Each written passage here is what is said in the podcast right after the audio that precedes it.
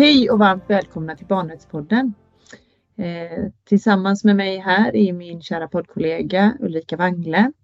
Och idag så har vi också med oss en kollega, en advokatkollega, Anna-Karin Janissa. Välkommen Anna-Karin! Ja, tack så mycket. Det ska bli trevligt att få podda för första gången. Det har jag aldrig gjort tidigare. Nej, Nej men det är, ett bra, det är ett bra koncept och det når ut till många så att det, det är bra tycker vi. Ja, och det är viktiga uppdrag som jag Ja. Kan inte du berätta lite mer om, om dig, Janissa, eller Anna-Karin, vad, vad, jobbar, vad jobbar du med främst? Ja, precis som Ulrika så är jag också advokat. Eh, jobbar mer med migration har gjort ganska många år. Eh, både med vuxna och med barn. Men försöker väl kanske byta lite spår nu, tänker jag. Eh, och ska mm. jobba lite mer med brottmål, tänkte jag. Men som sagt, jag jobbar väldigt, väldigt mycket med migration i olika former.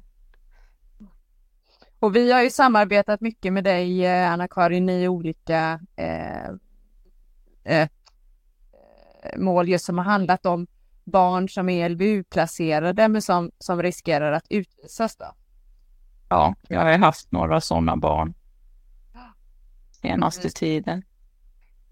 Och där du har hjälpt till otroligt bra så att de här barnen har ju, är ju fortfarande kvar i alla fall de som, som vi har jobbat tillsammans med dig.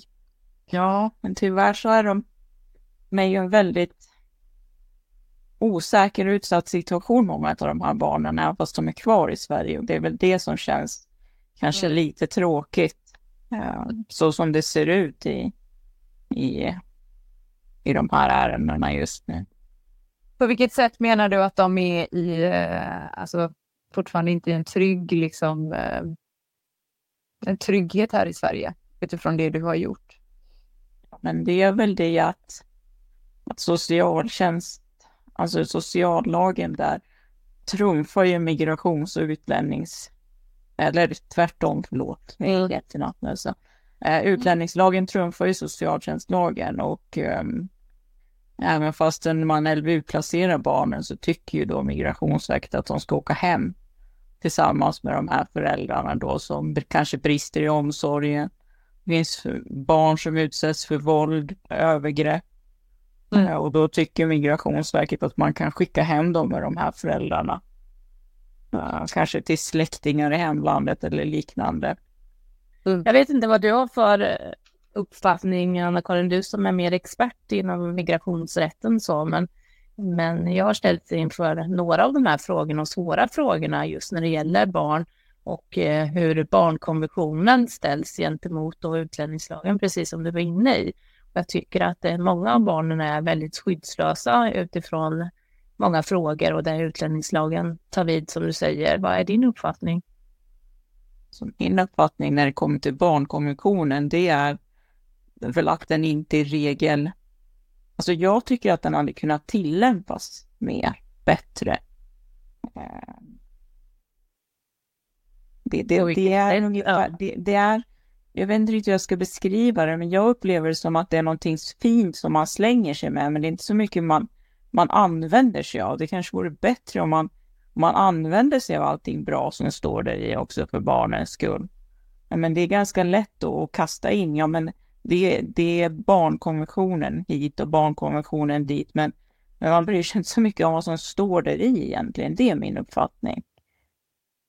Mm. Och hur, hur, tycker du barnen får komma till tals? Alltså för barnkonventionen uttrycker ju, precis som du säger, uttrycker alltså deras egna vilja och vad som är det bästa, man utgår ifrån det. Men hur funkar det i, i de ärendena? Hur går det till? Eller håller man barnsamtal eller hur är det? Alltså jag tycker inte att den där biten fungerar överhuvudtaget.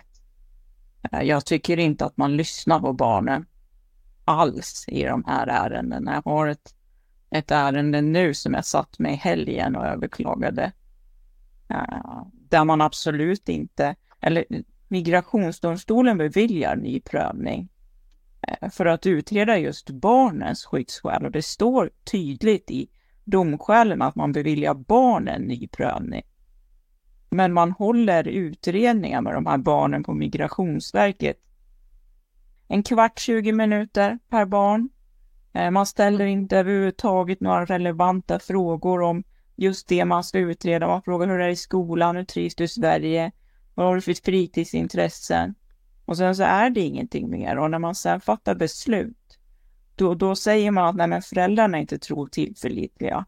Nej, men vad barnen har sagt, det, det bryr man sig inte alls om. Det nämner man överhuvudtaget inte i de här besluten. Och jag tycker att det är fruktansvärt att, att man gör så här. Men hur kan det få se ut så här? Alltså det är det som jag tycker är så otroligt alltså, sorgligt att det bara får fortgå. Vi säger att barnen ska få komma till tals och, och så vidare, men, men det ser ju inte ut så. Eller de kanske får komma till tals då, som du säger, en kvart, 20 minuter. Men det är ingen som ställer de relevanta frågorna samt att man kanske lyssnar in men sen så tar man beslut och inte bryr sig om det ändå. Det är ju inte bara i migrationsrätten vi ser det, eller migrationsärenden vi ser detta, utan det är ju hela tiden generellt liksom.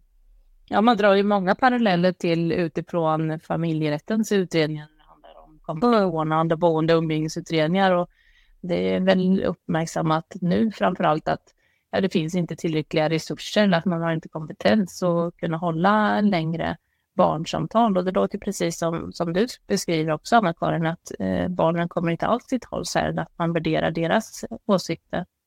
Mm. Det är precis som du är inne på där, det är den där, eh, alltså som jag kan uppleva enorma kompetensbristen. Helst hos Migrationsverket. Många utredare, jag tror inte att de alls har kompetensen att sitta och, och ha sådana här utredningar med barn. Mm. Och bör inte ha det heller. Men, men jag tänker, hur kan det vara så då? För vi har ju en barnkonvention, och, men, vår, men utlän, utlänningslagen den trumfar ju både socialtjänstlagen och barnkonventionen eh, känner jag också när du säger så att det är ju mer en pappers, eh, ett pappersmaterial, eller på säga, som, som vi slänger oss med, men den betyder ju egentligen inte så mycket. Och många ställer ju frågan, hur kan det se ut så här när vi har barnkonventionen som lag? Och, då, och, och, hur kan det se ut så här? Hur kan utlänningslagen, hur kan en annan myndighet gå direkt över den andra myndigheten som har tagit ett beslut? Jag vet ju många socialsekreterare som tycker det här är jättehemskt.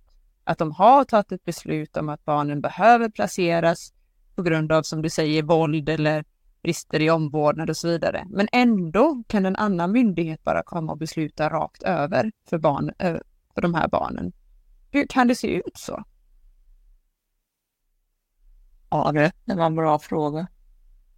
Men det är väl just det att, att utlänningslagen då triumfar socialtjänstlagen. Att det... Och sen så kanske socialtjänsten kanske... Alltså de har väl egentligen i regel större insyn i hur det ser ut för de här barnen. Och sen så kommer en utredare från Migrationsverket och tycker någonting helt annat.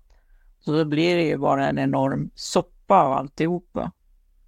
Mm. En utredare som då har träffat det här barnet i 20 minuter. För det, ja, 20 minuter, en halvtimme, det är ungefär vad de lägger på de här barnen. Sen har de inga fler frågor. Men är det inte så att socialtjänsten måste tillgodose då Migrationsverket den informationen om de här barnen? Eller hur ser det ut? Och det var faktiskt en socialsekreterare som frågade mig om den där sekretessbiten mellan Migrationsverket och socialtjänsten eh, för någon mm. vecka sedan och jag är inte helt påläst på den biten. Eh, men vad jag förstår det så behöver inte socialtjänsten lämna ut uppgifter till Migrationsverket om det finns vissa omständigheter som gör att det kanske inte är lämpligt. Men det kanske Ulrika har bättre koll på än vad jag har. Nej, men jag tror att det blir väldigt komplext med olika sekretesslagar och så tror jag att man jobbar ganska mycket parallellt och den här samverkan tycker jag väl, är min uppfattning i alla fall, saknas. Eh, och att man utreder kanske vad barnet har för behov och hur det liksom skulle, eh, det är väl min uppfattning i alla fall, eh, att det är väldigt svårt på så vis att man inte samverkar bättre. Och då blir ju barnen väldigt utelämnade i de här delarna. Den får man, en, man får en liten känsla av att socialtjänsten kanske inte alltid vill lämna ut uppgifterna till Migrationsverket heller för att man är osäker på hur Migrationsverket kommer använda de där uppgifterna. Mm. Och till vilket syfte. Man kanske inte vill att eh, att Migrationsverket har del av, av vissa av de här uppgifterna. Eh, den känslan har jag i alla fall fått. Mm. Men samtidigt så blir det ju underligt då utifrån att man behöver skydda barnen, tänker jag. För att eh, för den upplevelse som jag har utifrån de ärendena som jag har fått till, eh, till mig via Bring för barnen så, så är de här barnen helt eh, rättslösa upplever jag. Alltså de hamnar ju verkligen i, eh, i tomma intet för det finns ingen, ingen som skyddar de här barnen. Eh, för om de varit utsatta för till exempel våld eller fruktansvärda saker som jag har tagit del av eh, men ändå ska utlämnas med de här förövarna då som det har varit i, i många ärenden, liksom, alltså fruktansvärt. Eh, så, så hamnar de, jag anser att de är ju de mest rättslösa barnen som vi har i vårt samhälle idag. För att det finns ingen, ingenstans som där, där de skyddas utan man bara tar hänsyn till att, att då föräldrarna ska utvisas ur landet av olika anledningar. Och så hamnar de bara som en liten del av föräldrarna och bara skickas ut. Alltså, jag, jag, jag upplever att, de, alltså, att man bollar runt dem. Eh, och sen så säger man att man ska lyssna på dem och man ska, ta, man ska ta hänsyn till vad de tycker och tänker och vad de känner. Men när det väl kommer till kritan så gör man ju inte det och det är väl lite sorgligt. Och så blir de här barnen ledsna, besvikna, arga, upprörda. Eh, och så är inte det bra heller, utan då är det någonting som är fel. Ja, det är klart att det är någonting som är fel. De mår ju inte bra. Det är ingen som lyssnar på dem. Man säger att man ska lyssna, men man gör ju inte det. Och många av de här barnen tar ju till sig verkligen mycket mod för att ens våga Mm. berätta och när de väl gör det så är det som, som du säger, så är det ingen som lyssnar på dem och så hamnar de i ett ännu sämre läge och en utsatthet. Eh, för som jag förstår det så gör man ju ingen utredning hur man skulle kunna kanske någon som tar hand om dem i hemlandet eller någonting eller vad det finns för skyddsnät där utan man utlämnas till föräldrarna som har blivit, där man har blivit utsatt för våld eller brister i omsorgen och liknande eller om det finns psykisk ohälsa och så. Så att eh, det finns ju ingenstans egentligen som de skyddar det, eh, är min uppfattning. Nej. Nej, precis. Och just att barnen kanske har växt upp här och det enda de känner till är ju egentligen Sverige. Mm. Ja, Ja, det, det, I många fall också. Mm. det är barn som pratar bara svenska och de pratar svenska med olika dialekter till och med. Ja, för hur är din uppfattning Anna-Karin? Alltså just den här när man utreder anknytning, för det kan väl jag tycka som, som ni säger och är inne på att när de pratar svenska, de har anpassat sig och det är det enda de egentligen vet är det svenska samhället och de går, har eh, ja, träffat svenska kompisar och går i svenska skolan och liknande här och det är deras liv som de är här. Hur ser du liksom på den anknytningen? Spelar den någon roll överhuvudtaget eller har man inte med det alls i beaktande eller liksom bara en del i det hela? Det är lite, lite olika hur de gör de här besluten och spretar ju ganska ordentligt också. Mm. Det finns ju vissa där man har prövat ömmande omständigheter och anknytning och anser att, att det finns omständigheter som gör att de bör stanna här i Sverige. Eh, Och så får de stanna och sen så gör man en helt annan bedömning i ett annat ärende, även fast omständigheterna är ganska lika. Det är det Ja, som är så frustrerande på just migrationsområdet. Det där är, det på tror du? alltså det är ju lite vad man får för, dels vad man hamnar på för migrationsverk i vart i Sverige. Det är helt olika bedömningar. Och lite vad man hamnar hos för utredare eller beslutsfattare hos Migrationsverket också.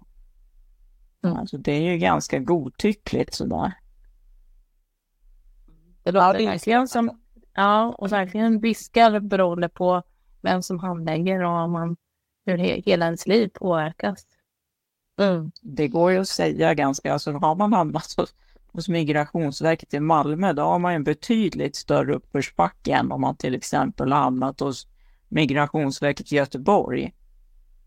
Det är min Mm. uppfattning. Ja, och så får det inte vara. Nej. Men jag tänker på hur kan, man, hur, kan man, hur kan man göra för att att eh, trygga de här barnen så mycket som möjligt, eh, tänker jag utifrån, ja men vi säger då barn som är LVU-placerade som riskerar att utvisas. Vad är viktigt för att ändå migrations, ja, utifrån utlänningslagen då, att man ska ta hänsyn till att barnen behöver stanna i Sverige? Vad är det för delar som är viktigt att socialtjänsten gör eller tar hänsyn till eller när man gör de här verkställighetshindren? Vad är det viktigt att man liksom trycker på? Generellt. Jag förstår att det är olika i olika ärenden, men finns det några så här viktiga punkter ändå? Så jag tycker att det är viktigt att socialtjänsten tar hjälp. Mm. Istället för att bara skicka verkställighetshinder på verkställighetshinder på verkställighetshinder så får de en massa avslag. Och så blir ärendet bara väldigt rörigt. Och sen så kommer det in en advokat på slutet, kanske via Brinn för barnen eller på annat sätt. Och så frågar man ofta socialtjänsten, vad har ni gjort här då? Och då säger de, nej det vet vi inte riktigt, vi har bara försökt så gott vi kan. Eh, Och så får man försöka reda ut den där trasslet på något sätt. Och i vissa fall så går det inte. För att de redan har använt de här omständigheterna som man kanske hade kunnat öppnat upp ett ärende med om man hade haft kompetensen. Eh, Så Ja, det är inget lätt område tänker jag och så det är jätteviktigt att man från socialtjänsten tar den hjälp man kan. Eh, jag har ju upplevt också i många domar eh, att som jag har läst eh, för de här barnen så har ju tyvärr inte varit rätt kompetens faktiskt när det gäller advokater eller jurister heller. Eh, tyvärr. Eh, utan eh, det finns ju några som är riktigt bra men det finns också några som verkligen inte har gjort sitt jobb. Så att det så är det ju. Ja, men jag tycker att man, man behöver, alltså man be, dels behöver man få en bra känsla tänker jag. Både advokat och, och, och klienterna. Det ska ju kännas bra för, alla parter. Och Sen måste man ju skaffa sig en ordentlig uppfattning om hur det ser ut i ärendet. Vad, vad kan jag göra, vad kan jag inte göra? Och, och kan man inte göra någonting så måste man vara öppen och ärlig med det. Så att det här ärendet ser ut på det här och det här sättet. Jag kan inte göra någonting tyvärr som det ser ut just nu. Eh, och man kan inte göra saker bara för att, tycker jag, utan jag tycker att man i sådana fall så här, kan man väl vänta kanske att ja, men det här ärendet preskriberas om sex månader, vi kan väl avvakta. Eh, skulle det bli kris och panik med, mot Migrationsverket, hör av er igen. Eh, Istället för att man skickar in någonting halvdant och så blir det ingenting. Eller värre. Men jag skulle vilja se.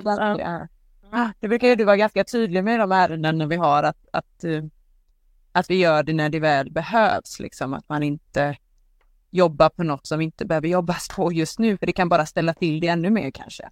Så. Ja, Men, men om vi bara kan förklara vad verkställighetshinder är, Anna-Karin, kan inte du bara förklara det? För jag tror inte alla förstår vad det betyder. Ja, eh, alltså i migration så har man ju, om vi nu pratar om skyddsskäl så har man ju en, en huvudprocess och det är ju när man kommer hit och söker första gången Eh, asyl till exempel, då, får, då har man ett huvudärende. Eh, och sen så prövas ju det då i Migrationsverket, Migrationsdomstolen, Migrationsöverdomstolen. Och sen blir det stängt. Eh, och de omständigheterna som är prövade där kan inte prövas igen förrän ärendet har preskriberats efter fyra år. Och har man då nya omständigheter som gör till exempel att man inte kan återvända till landet, hemlandet, då kan man öppna en sån där verkställighetshindersprövning eh, på de här nya omständigheterna. Men det måste vara då någonting som man inte tidigare har prövat i, i ärendet, utan det måste vara något helt nytt. Och vad kan det vara som exempel? Alltså det kan till exempel vara att om du, till, om du har kommit hit till Sverige och så åberopar du, vi säger, vi tar något enkelt. Du kommer från Afghanistan och åberopat att du behöver skydd gentemot markkonflikter och så har man stängt ärendet och ansett att du inte är skyddsbehövande. Och sen så har den här processen dragit ut på tiden. Vi säger att du har levt i Sverige i fyra, fem år under den här processen. Eh, och under den här tiden så har du kanske insett att att islam inte är någonting för dig, så du har tagit avstånd från religion. Eller du kanske har konverterat till kristendomen. eh, Eller något, någon annan religion helt enkelt. Då är det här en ny omständighet som skulle vara farlig för dig om du återvänder till Afghanistan. som också ska prövas innan man då kan utvisa eh, till hemlandet. Det måste vara Ja, någonting nytt och någonting som är farligt i hemlandet. Mm. Enkelt beskrivet. Ja, intressant. Men om vi ser på hur det har varit under åren, så när du har jobbat med det här, eh, Anna-Karin, tycker du att vi går mot ljusare tider eller tycker du att det har blivit hårdare? Nu tänker jag utifrån barn, barnperspektivet då. då. Jag, tycker, att- jag tycker att det står ganska still på det där barn, eh, barnområdet. Jag tycker att vi behandlar de här barnen ganska illa i Sverige. Det finns ganska mycket att göra i, på den biten. Jag tycker att vi utvisar ganska mycket barn där till, till, till farliga, alltså till farliga miljöer helt enkelt. Vad skulle du vilja se för förändringar för att det skulle kunna bli bättre för de här barnen? Jag tycker att socialtjänsten och Migrationsverket bör samarbeta mer. Jag tycker inte att det är okej att en myndighet säger att de här föräldrarna, de kan inte ta hand om barnen. Det finns omsorgsbrister. Och sen så kommer en annan svensk myndighet och säger, jo men det är okej, vi skickar dem till, till hemlandet tillsammans med de här människorna. Det är lugnt, det är ingen fara. De har säkert någon släkting som kan hjälpa dem där. Det där måste ju få ett slut. Mm. Mm. Ja, nej, men det, är- det det är ofattbart att, att när man sitter så här bredvid och, och ser på och man vet vad de här barnen varit utsatta för, att, att vi som land gör detta mot de här barnen. Jag har så svårt att förstå det. Mm. Så. Och sen när man sitter i utredningar med, med föräldrar eller ja, vårdnadshavare då till det här barnet som du är biträde för. Och för att barnet är för litet för att kunna föra sin egen talan. Men barnet är LVU-placerat men man, man utreder fortfarande, eller man gör utredning med vårdnadshavare. Den här vårdnadshavaren kan man tydligt se att den här personen är totalt olämplig att ta hand om, om ett barn. Men man tycker att den här personen ska skickas hem med det här barnet. Ja, jag begriper inte. Nej, det låter ju verkligen fruktansvärt och att det får vara så att det är så olika bedömningar. Det är ju skrämmande, precis som du säger, att man har bedömt att en förälder är helt olämplig och sen så då så ska man sitta och göra en bedömning utifrån de här frågorna när det, gäller, när det kommer till utlänningslagen. Det är ju... Ja, så kan man inte ha det. Det är helt oacceptabelt. Jag, måste, jag tror att man behöver se över det där att utlänningslagen trumfar. Um, har du någon uppfattning om Migrationsverket, alltså hur de ser på det här? Eller liksom, har man ställt frågan till hur de gör sina bedömningar eller med socialtjänsten? Eller menar de på att, eh, ja, att socialtjänsten inte har någonting med deras ärenden att göra? Eller tycker de att de har gjort en annan bedömning? Eller hur kan liksom argumenten se ut? Eller menar du på kanske att de inte tar till sig de här uppgifterna överhuvudtaget? Är det det som brister? Eller? Så det som brister hos Migrationsverket är att du kan fråga fem olika personer samma sak och få fem olika svar. Det är väl det som brister allra mest hos Migrationsverket. Det var väl det som fick mig att sluta vara Migrationsverket också. Alltså, det finns ingen som helst rättssäkerhet inom, eh, inom den myndigheten. För som sagt, du kan fråga olika personer på Migrationsverket exakt samma sak och få helt skilda svar och helt skild vägledning för hur du ska agera. Eh, Och det där hade jag jättesvårt för eh, som jurist eh, att anpassa mig till, så därför slutade jag på Migrationsverket. Och det är väl ingenting som man ska anpassa sig till, tänker jag.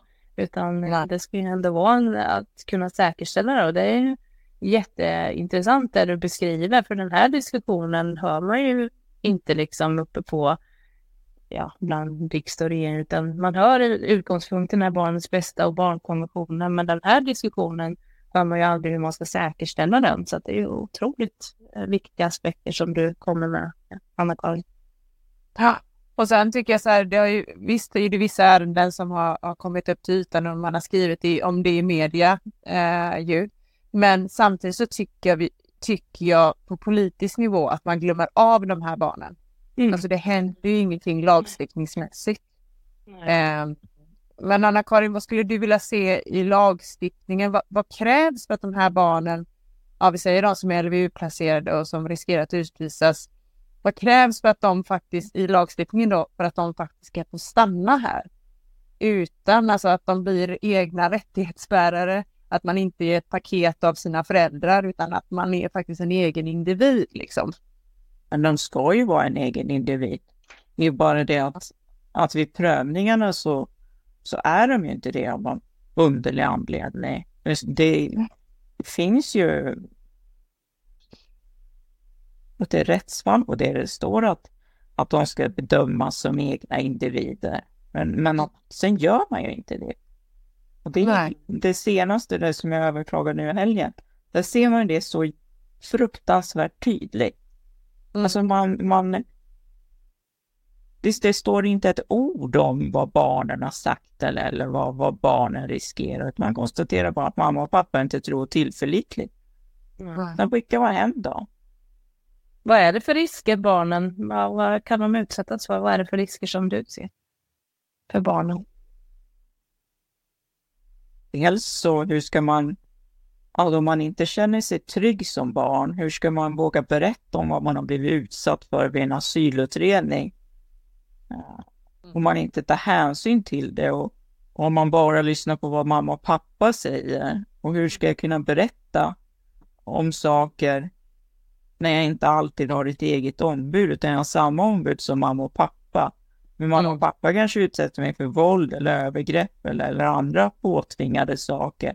Hur ska jag kunna berätta om det och hur ska jag kunna få min talan hörd mm. under de här omständigheterna? Och även fast man kanske har ett eget ombud så, så är det inte säkert att man vågar berätta ändå. Mm. Och då kanske det är än viktigare att att man tar del av just utredningen från socialtjänsten där sådana här saker framgår, där barnet kanske mm. känt sig trygg och berätta. Man har ett mm. bättre samspel mellan de här två myndigheterna än vad man har idag. Att socialtjänsten kanske kan känna sig trygg med att, att samspela med Migrationsverket och inte att Migrationsverket ska använda den här informationen emot barnen sen. Och jag tänker också det här med ombud som du pratar om där, Anna-Karin, och vi har ju många ärenden tillsammans med dig och även Rebecka Lager varit inne i något så, men, men just att då behöver man ju alltid en fullmakt från de här vårdnadshavarna för att, för att ni ska kunna gå in som ombud. Jag tycker ju också det är lite intressant att, att, att föräldrar som kanske inte då är um, kapabla att ta hand om de här barnen ändå har ett sånt har ändå så mycket mandat att de ska besluta om barnen ska få ett eget ombud. Mm. Vad tror du, vad, vad, behövs där egentligen? För jag tycker inte ens det ska finnas att man, föräldrarna ska godkänna det. Det borde ju socialtjänsten kunna säga liksom, att det här barnet mm. behöver ett eget ombud. Jag tycker att man ska utgå ifrån att barnet ska ha ett eget ombud från början. Mm. Mm. Det ska inte vara en, en fråga om att att man ska skriva fullmakter eller vårdnadshavarna ska skriva på fullmakter eller man ska begära det. Utan det borde vara någonting som kommer helt naturligt. Mm. Bara för att man är familj så, så, så behöver inte det betyda att man har lika intressen i allting och att det inte förekommer motstridiga saker som man vill åberopa eller berätta om. Och det känns som man drar parallellen där att föräldrarätten står väldigt mm. långt över barnens rättigheter och att i de här målen så har ju barnen inte alls någon egen röst överhuvudtaget utifrån när det skiljer sig så pass mycket. Eh, och det gör man ju verkligen när man kan skilja på barnen och eh, förälders rättigheter. Mm. Ja. Så jag tycker att man, alltså man behöver också göra en bedömning utifrån varje enskilt barn. Kan det här barnet prata för sig själv? hur moget är det här barnet? Eh, och sen sätta nivån för vad det är för utredning man ska hålla med det här barnet. Det finns ju barn som är, är ganska unga som är jätteduktiga på att berätta och förklara vad de tycker och vad de känner. Och då tycker jag att man ska låta dem göra det oavsett om, om de är unga eller inte. Mm. mm. Ja, precis. Eller om de är ännu alltså, yngre och inte kan prata för sig själv så bör man ju ta in den informationen man behöver för att veta hur de mår, tänker jag. Alltså, jag, eh, att man behöver ta in annan expertis där man behöver prata med barnet, barnpsykologer eller vården eller vad det nu kan vara. Det kanske man gör idag, men jag, jag har inte hört om det tidigare i alla fall, innan i de ärendena jag har tagit del av. Utan att man, eh, som du säger, utgår mest från föräldraperspektivet. Då.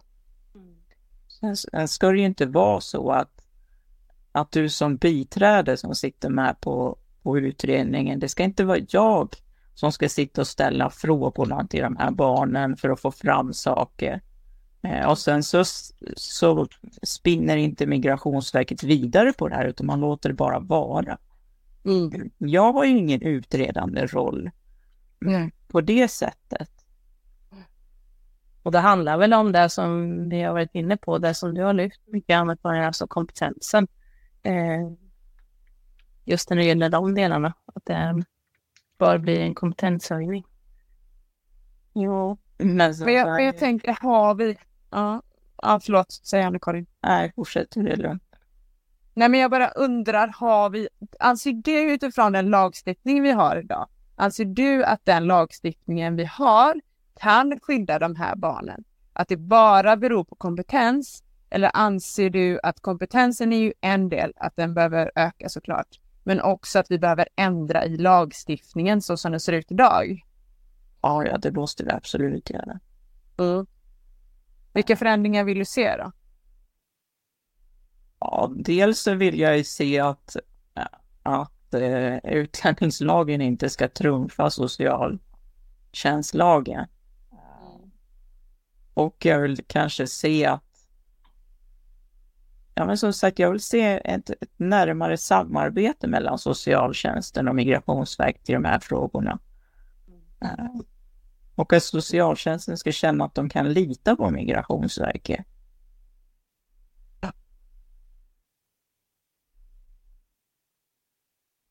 Och sen så här den där barnkonventionen. Den mm. kanske vi ska ta och använda oss av. För det är ju som ni säger, alla, alla kommer ju säga, men barnkonventionen är ju lag i Sverige. Ja, mm. eller har blivit lag i Sverige. Ja, men vi har ju tillämpat den långt innan det. Och jag ser ingen större skillnad på hur det är idag när den är lag mot tidigare. Mm.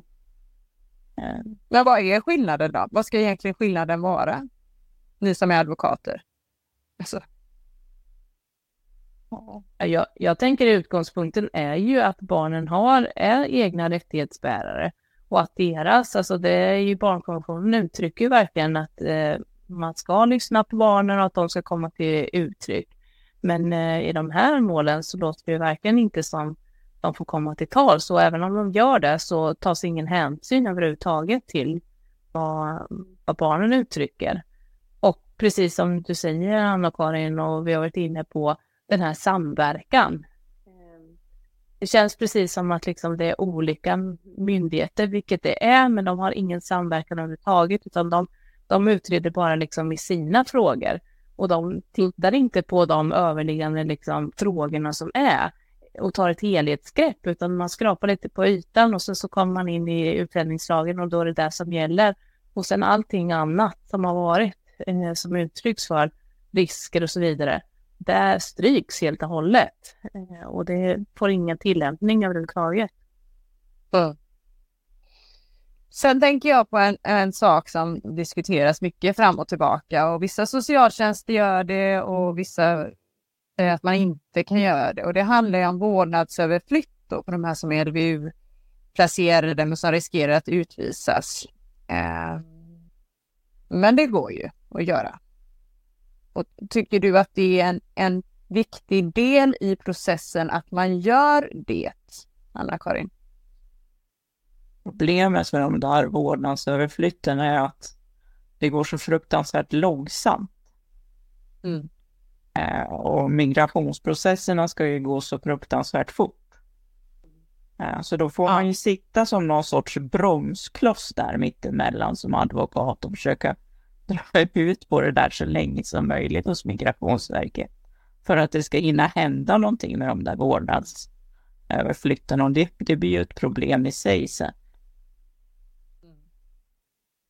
Ja, socialtjänsten väntar väl på innan de tar ändå upp frågan för att göra en vårdnadsöverflytt. Och det är som du säger, då är Migrationsverket snabba på att fatta beslut. Mm. Jag har ett sånt där, eller jag hade ett sånt där ärende som jag har sett att då skjutit på anstånd hit och anstånd dit och massa eh, olika grunder för att den här vårdnadsflyttsprocessen då skulle komma ikapp. Det går fortfarande för långsamt. Mm. Och det är väl inget man beaktar, tänker jag, från Migrationsverket och att man låter göra den prövningen. eller? Nej. Nej. Men är det ändå en viktig del i att eh, alltså, det finns ju så många olika delar man behöver ta hänsyn till såklart för att trygga de här barnen så mycket man kan. Men, men är det en viktig del att visa ändå att det finns ett långsiktigt hem och eh, stadigvarande hem då och eh, att det finns liksom en tanke att de här barnen har ett liv här. Jag skulle nog säga att det där beror lite på från ärende till ärende hur det ser ut. Mm. Jag brukar göra ganska individuella bedömningar i, i eh, ärenden som kommer till mig beroende på hur det ser ut i övrigt. Mm. Eh, vad det finns för andra, alltså vad, vad är den lättaste vägen för det här barnet helt enkelt. Där brukar mm. jag börja. Så får man mm. tänka, går inte det här så får vi ta det här. Mm. Äh, går inte det så får vi försöka med det här. Äh, så brukar jag tänka i mina ärenden som kommer till mig. Men jag tänker eh, eh, när det gäller eh, eh få, varför får man, eh, ja men till exempel det finns ju barn som inte har till exempel ett säga vilket det är, men, men föräldrarna vet man inte ens var de är någonstans. De är tillbaka i landet, man vet inte var de är, man hittar inte dem. Barnet är eh, LVU-placerad i familjehem och har levt där hela sitt liv. Men man får ändå inte nämna det här med eh, adoption för Migrationsverket. Eh, för det verkar vara, jag vet inte varför det är så, så fruktansvärt just det, den delen. Men, men, men det är nästan omöjligt att få adoptera de här barnen. Nu vet jag faktiskt två ärenden där jag har varit insatt i från början som har fått adoptera två syskon då. Eh, men det verkar vara nästan omöjligt att få göra det. Varför är det så? Jag tror att det kan ha sin grund i att man har, har utnyttjat just det där med att adoptera när det inte går med någonting annat och så ser man att det bara är eh, alltså sken. Man, man ser det som skenadoptioner. Det är som jag uppfattat det i alla fall. Mm. Ja, det, det är ju också, för det är ju det är klart, när man ser det utifrån och man känner de här familjehemmen och man vet hur mycket de älskar de här barnen och att de har varit där sedan de var små. Då, det, då, då är det så svårt att förstå varför det skulle vara en sån, sån fruktansvärd grej liksom, för Migrationsverket att, att ta upp adoption. För man har hört i många ärenden att nämn inte ens adoptionen, liksom, för det... Mm. Då går det inte väl. Liksom, så jag tror att det har sin grund i det här att det har inte gått med någonting annat och sen så har eh, har man gått till den att det är tanter och farbröder som kanske har tagit sig an eh, den här som har kommit som barn mm. Eller unga vuxna. Och så när det inte går med något annat så skickar de bara in adoptionsansökningar så har man, ser man det bara som skenadoptioner. Och sen så mm. har det blivit lite så. Och då ser man inte det som du säger är de här familjerna som, som verkligen har tagit hand om de här barnen och som ser dem som en del av familjen och sina egna. Då blir de bara en del av det här. Men det handlar ju också egentligen som du säger att man bör ju göra alltså bedömningar utifrån varje enskilt fall och ä- enskilt ärende. Man måste ju sätta sig in i då vad det innebär och hur ser det ut, hur länge har de bott där? Um, har de för, precis som vi pratade om innan, anknytning till den här familjen som vill adoptera? Men, eh, Där är väl också en brist. Det är att, att de sätter sig väl inte in ordentligt och det ska gå fort och mm. Mm. det är bara ett ärende i mängden. Mm. Och det kanske inte finns den här viljan heller, utan man gör sitt jobb och försöker liksom eh, utreda det man ska göra, men man ser liksom inte heller de här alternativen. Vad är det, kan vara det bästa för det här barnet? Eh, och då tappar man ju väldigt många alternativ, vad som skulle kunna kanske vara det bästa och olika möjligheter för att barnen ska kunna skyddas och leva på ett tryggt sätt. Ja, och sen så är det ju de här styrningarna uppifrån att så här många beslut ska du fatta på den här tiden. Det går för långsamt, jobba fortare. Mm.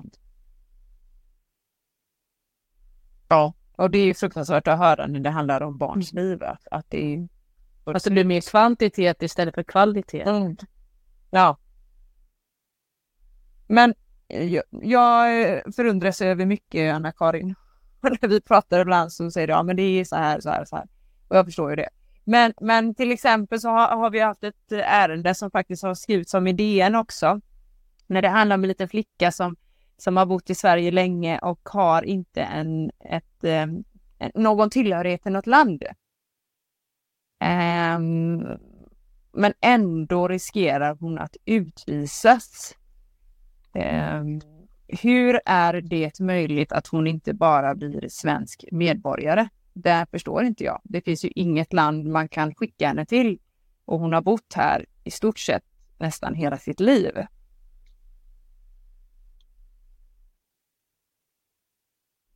Hon är ju verkligen i en utsatt position, tänker jag. Ja, men det ligger som sagt på Migrationsverket att utreda de här ordnade mottagande som de pratar om. Den processen går ju som en snigel på Karlssons klister. De, de påstår att de utreder och, och utreder och utreder, men jag vet inte om det händer så mycket. Och sen så ligger de här barnen som i någon sorts limbo. De får inget tillstånd. Mm. Men de hittar inget ordnat mottagande, men Migrationsverket kan bara inte slå fast att det, det krasset är så att det finns inget. Ja, och det är ju fruktansvärt, för jag menar det är ju en oro hela tiden det här barnet och familjen får leva med. Mm. Såklart. Och en ovisshet. Och Ja. inte veta överhuvudtaget hur någonting ska bli. Nej, och sen så är de här i flera, flera år och de och letar efter de här ordnade mottagandet i hemlandet och sen vips så blev det här barnet 18 år. Mm. Ja, just det. Ja, vad Så hände ska de klara sig. Då utvisas de då? Ja, då ska de ju kunna klara sig själv. Ja, där hade vi också ett ärende, en flicka som, som blev utvisad, som var 18 år. Ja. Men ehm, om vi skulle sammanfatta det då, Anna-Karin, då ser du kompetensbrist. Be- man behöver mer kompetens inom Migrationsverket, men även att man tar hjälp inom socialtjänsten. I de här. Samverkan, ja. Samverkan, ja precis. Kanske en liten aning, eh, ehm, vad heter det nu? Tappar jag ordet. Empati. Ja, det kan man också behöva. Medmänsklighet. ja, det också. Men lite, lite att, att man får ta ansvar för de besluten man fattar eh, i egenskap av myndighetsperson. Vad heter det? Tjänstemannaansvar. Vad heter det? Mm. Vad? Ja, Mm. en liten del. Alltså att man ska jag sätta mitt namn på det här beslutet så ska jag åtminstone ha tänkt mig för. Eh, Mm. och utrett det ordentligt. Mm. Och gjort ett Åtminstone- noga övervägande. Ja. Precis. Men eh, är det något du vill skicka med till politiker? Vad som behöver förändras i, i, i lagstiftningen det är att utlänningslagen inte ska trumfa socialtjänstlagen eller är det något annat också? Att man behöver börja lyssna på barn. Kanske man inte kan stifta lag om det, men... Ja, fast det står ju i barnkonventionen, eller hur? Ja, men då kanske man kan sluta svänga sig med att barnkonventionen är lag och kanske verkligen börja tillämpa den. Mm. Inte bara använda det som ett... Ja. Jag vet Nej. inte. Nej, så typ många som hade, det var så många som hade så stora förhoppningar när barnkonventionen skulle bli lag. Ja.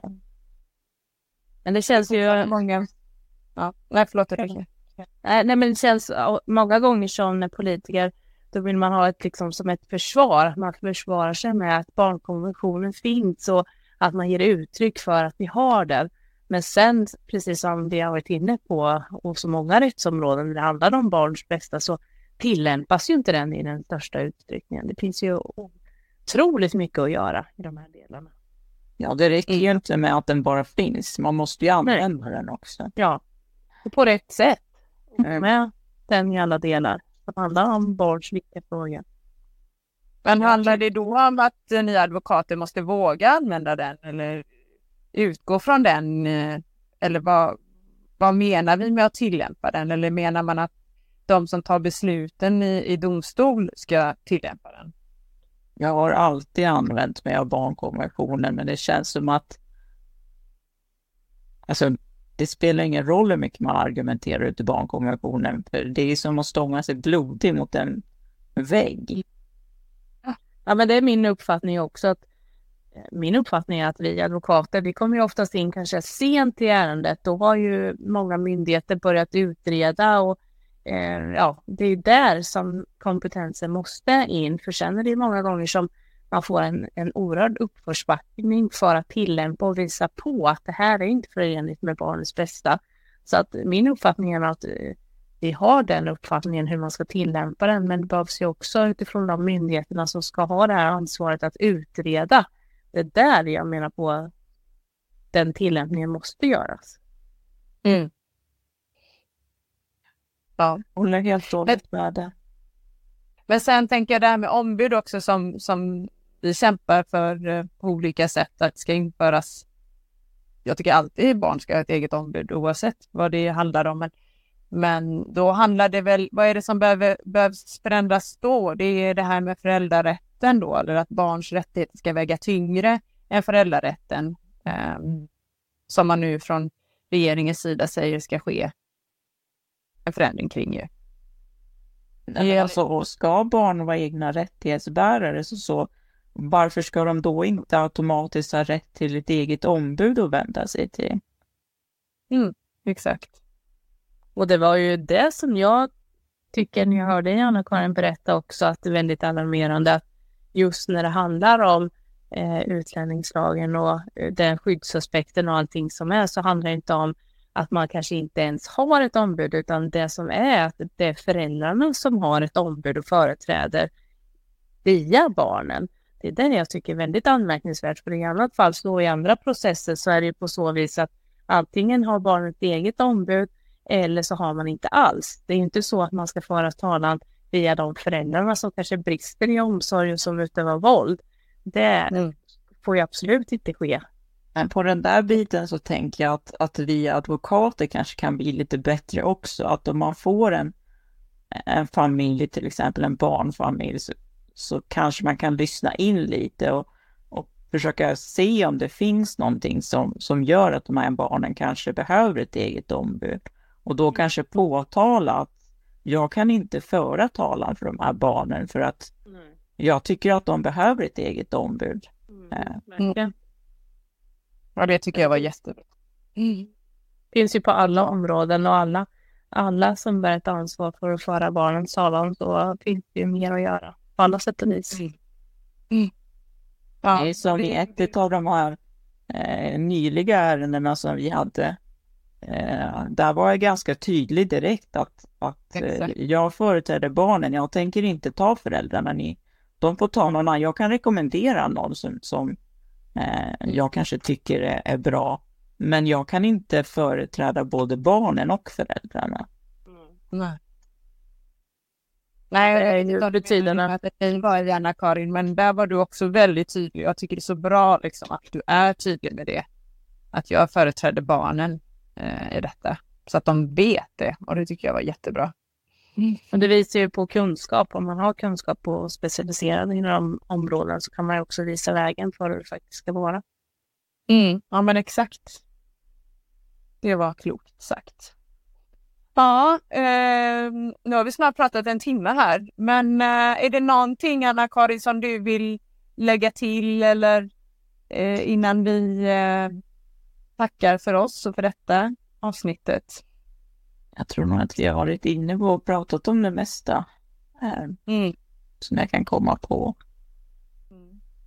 Ja, du gör ett fantastiskt jobb och vi är så tacksamma att få samarbeta med dig Anna-Karin. Du har verkligen varit till stor hjälp. Ja, Jag är tacksam att man får vara en del av Brinn för barnen faktiskt. Ni gör ett, ett enormt bra jobb, eh, måste jag säga. Och det är strukturerat och, och fungerar väldigt bra tycker jag. Tillsammans gör vi skillnad, förhoppningsvis i alla fall. Ja, Ulrika, hade du något mer du ville ställa någon fråga till Anna-Karin? Nej. Intressant och eh, Ja, alltså, det är så verkligen. viktigt, tycker jag. Och lärorikt. Ja, jättebra. Nej, jag, jag har inget. Jag tackar så jättemycket och du har svarat på jättemycket funderingar som hon har. Ja. Vi får fortsätta lyfta de här frågorna tycker jag och driva detta även på politisk nivå vidare. Ja, men tusen, tusen tack för, för detta eh, samtal. Eh, så eh, hörs vi vidare. Mm. Stort tack Anna-Karin. Tack själva. Tack. Hej då. Hej då.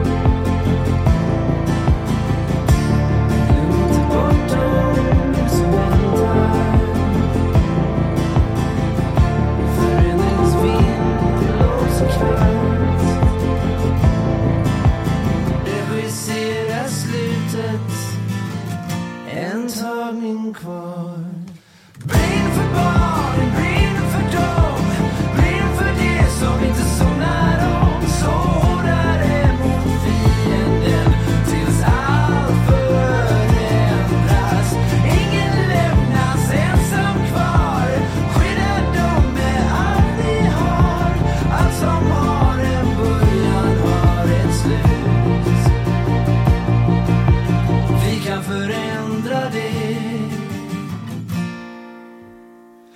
aning om varför förut